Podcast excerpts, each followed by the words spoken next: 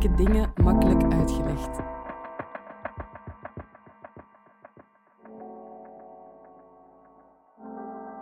Dit is de podcast van Moeilijke Dingen Makkelijk Uitgelegd. Wie de wereld wilt verbeteren, moet wel begrijpen hoe die werkt. Daarom laten we in Moeilijke Dingen Makkelijk Uitgelegd een expert 10 minuten aan het woord om een complex onderwerp uit te leggen.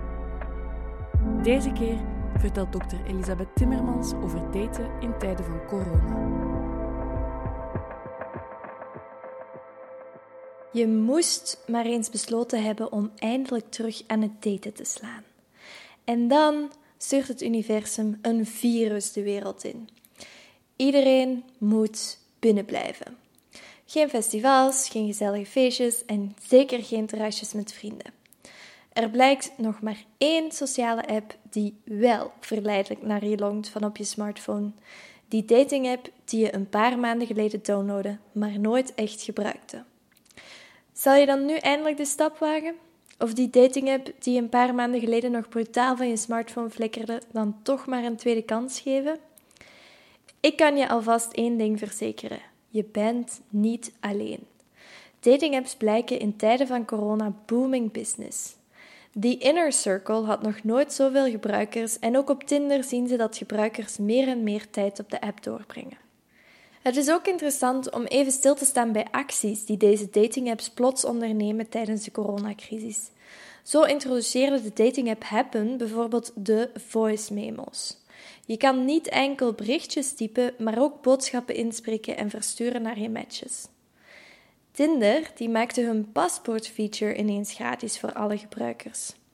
Je kan nu niet enkel meer swipen binnen een bepaalde straal, maar zelfs over landsgrenzen heen.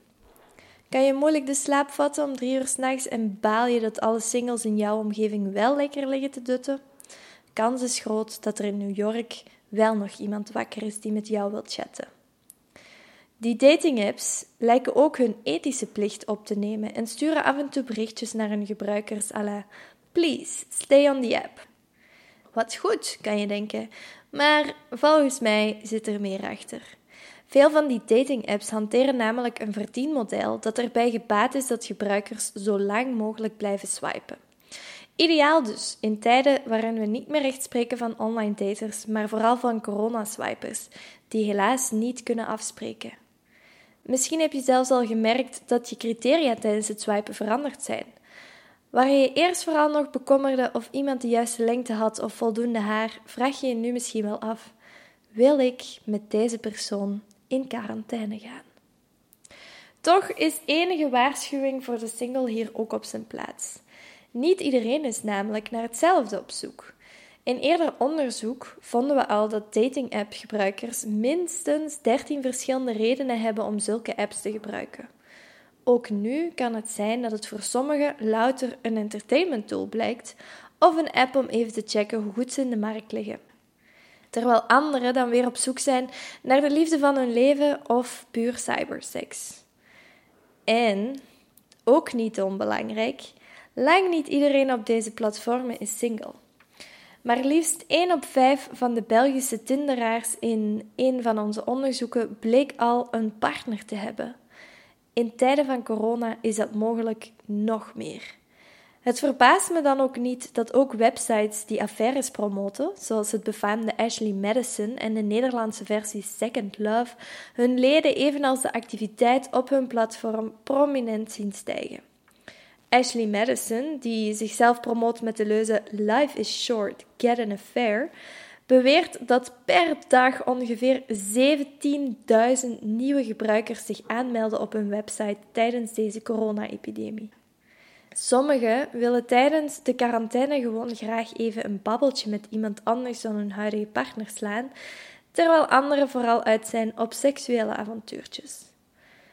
Wie nu spontaan denkt dat het dan vooral mannen zullen zijn, heeft het ook goed mis.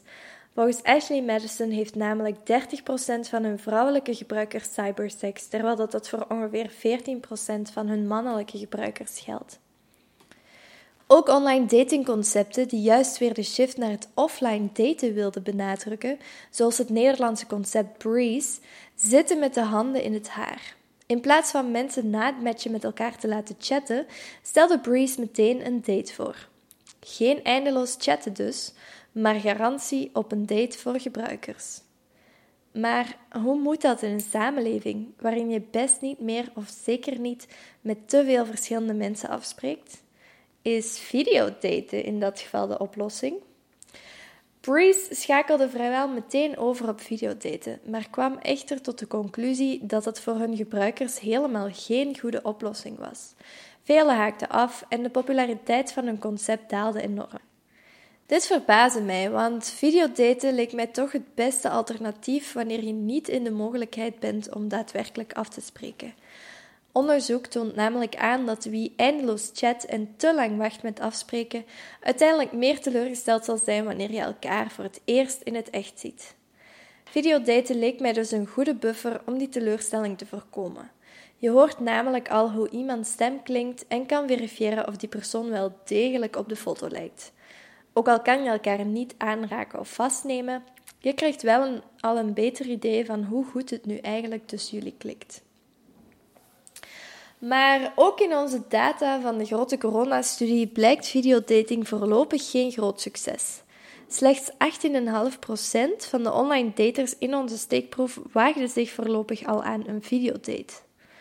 Hoe zou dit komen? Ten eerste, en dit is ongetwijfeld iedereen al opgevallen, zie je er niet altijd al te flatterend uit wanneer je de camera van je smartphone of laptop opzet. Het duurt even voor je de juiste hoek gevonden hebt, je neus niet meer gigantisch lijkt of je haar in de juiste plooi ligt. Ongetwijfeld is dat bij een echte date ook zo, maar daar word je niet constant aan herinnerd. Je kan namelijk je aandacht op je date en de omgeving richten, omdat je niet constant in een camera of spiegel staart die perfect reflecteert hoe jij er op dat moment uitziet. Is dat een extra rimpel daar op je voorhoofd, een grijze haar, een snottebel die uitdagend uit je neus pingelt? Voor je het weet ben je afgeleid van het gesprek met die date en met een minuut voel je weer dat tikkeltje onzekerder. Niet meteen een fijn vooruitzicht waarop je ligt te wachten, zeker niet wanneer je al een hele week virtueel vergaderen voor je werk op hebt zitten. Misschien een oplossing voor datingapps om gebruikers enkel het videobeeld van de ander te tonen en niet dat van jezelf? Tinder is op dit moment bezig met videocalls te integreren in hun app. Hopelijk nemen ze deze tip mee. Toch blijken er ook enkele voordelen aan dat videodaten te zijn. Wat als je date echt ontzettend vervelend is? Dan kan je doen alsof je internetverbinding het plots laat afweten. En nog een bonus: je moet je huis niet meer uit om te daten en enkel je bovenkant moet er degelijk uitzien. Lang leven joggingbroeken dus. Stel dat het klikt, online en tijdens videodate, maar je kan nog niet afspreken. Hoe moet je dan verder? Ik verbaas mij als onderzoeker altijd over hoe creatief mensen kunnen zijn in tijden van crisis. Ik heb al de leukste dates gehoord, gaande van prille quarantainekoppels die elkaar elke dag uitdagen met opdrachtjes, tot um, een erotische liefdesbrief versturen omdat je jezelf veel te hip vindt voor sexting. Als heel dit online datingverhaal jou niets zegt, zou het dan misschien kunnen dat een van jouw exen jou recent nog heeft gecontacteerd? In dat geval zou je niet de enige zijn. Maar liefst 50% van de, van de singles die onze vragenlijst al invulden, gaven ook aan dat zij zelf of hun ex-partner contact zochten tijdens deze quarantaineperiode. Volgens psychologen is dit een normale reactie, want in tijden van onzekerheid en isolatie verlangen wij met z'n allen des te meer naar gezelschap. Het begint met een onschuldig sms'je naar je ex en voor je het weet stuur je weer naar elkaar alsof je nooit anders gedaan hebt. Maar kan je nu eigenlijk op date gaan met die online hunk of je ex? En hoe ziet zoiets er dan uit in de anderhalve meter maatschappij?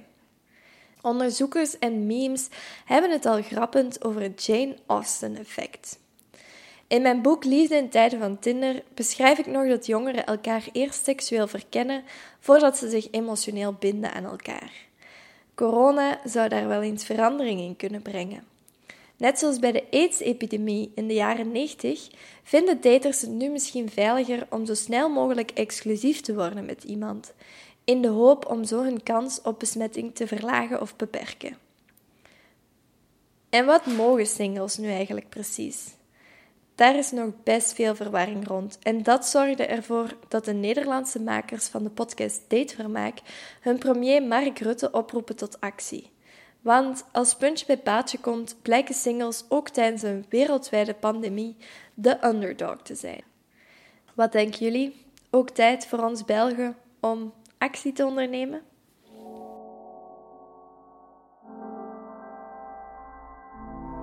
Je luisterde naar Moeilijke Dingen Makkelijk Uitgelegd. Ik ben Selma Fransen en samen met Curieus VZW en De Buren organiseer ik de evenementenreeks Moeilijke Dingen Makkelijk Uitgelegd. Montage door Jelena Schmitz. Wil je graag reageren of een evenement bijwonen? Kijk dan op de Facebookpagina van Moeilijke Dingen Makkelijk Uitgelegd.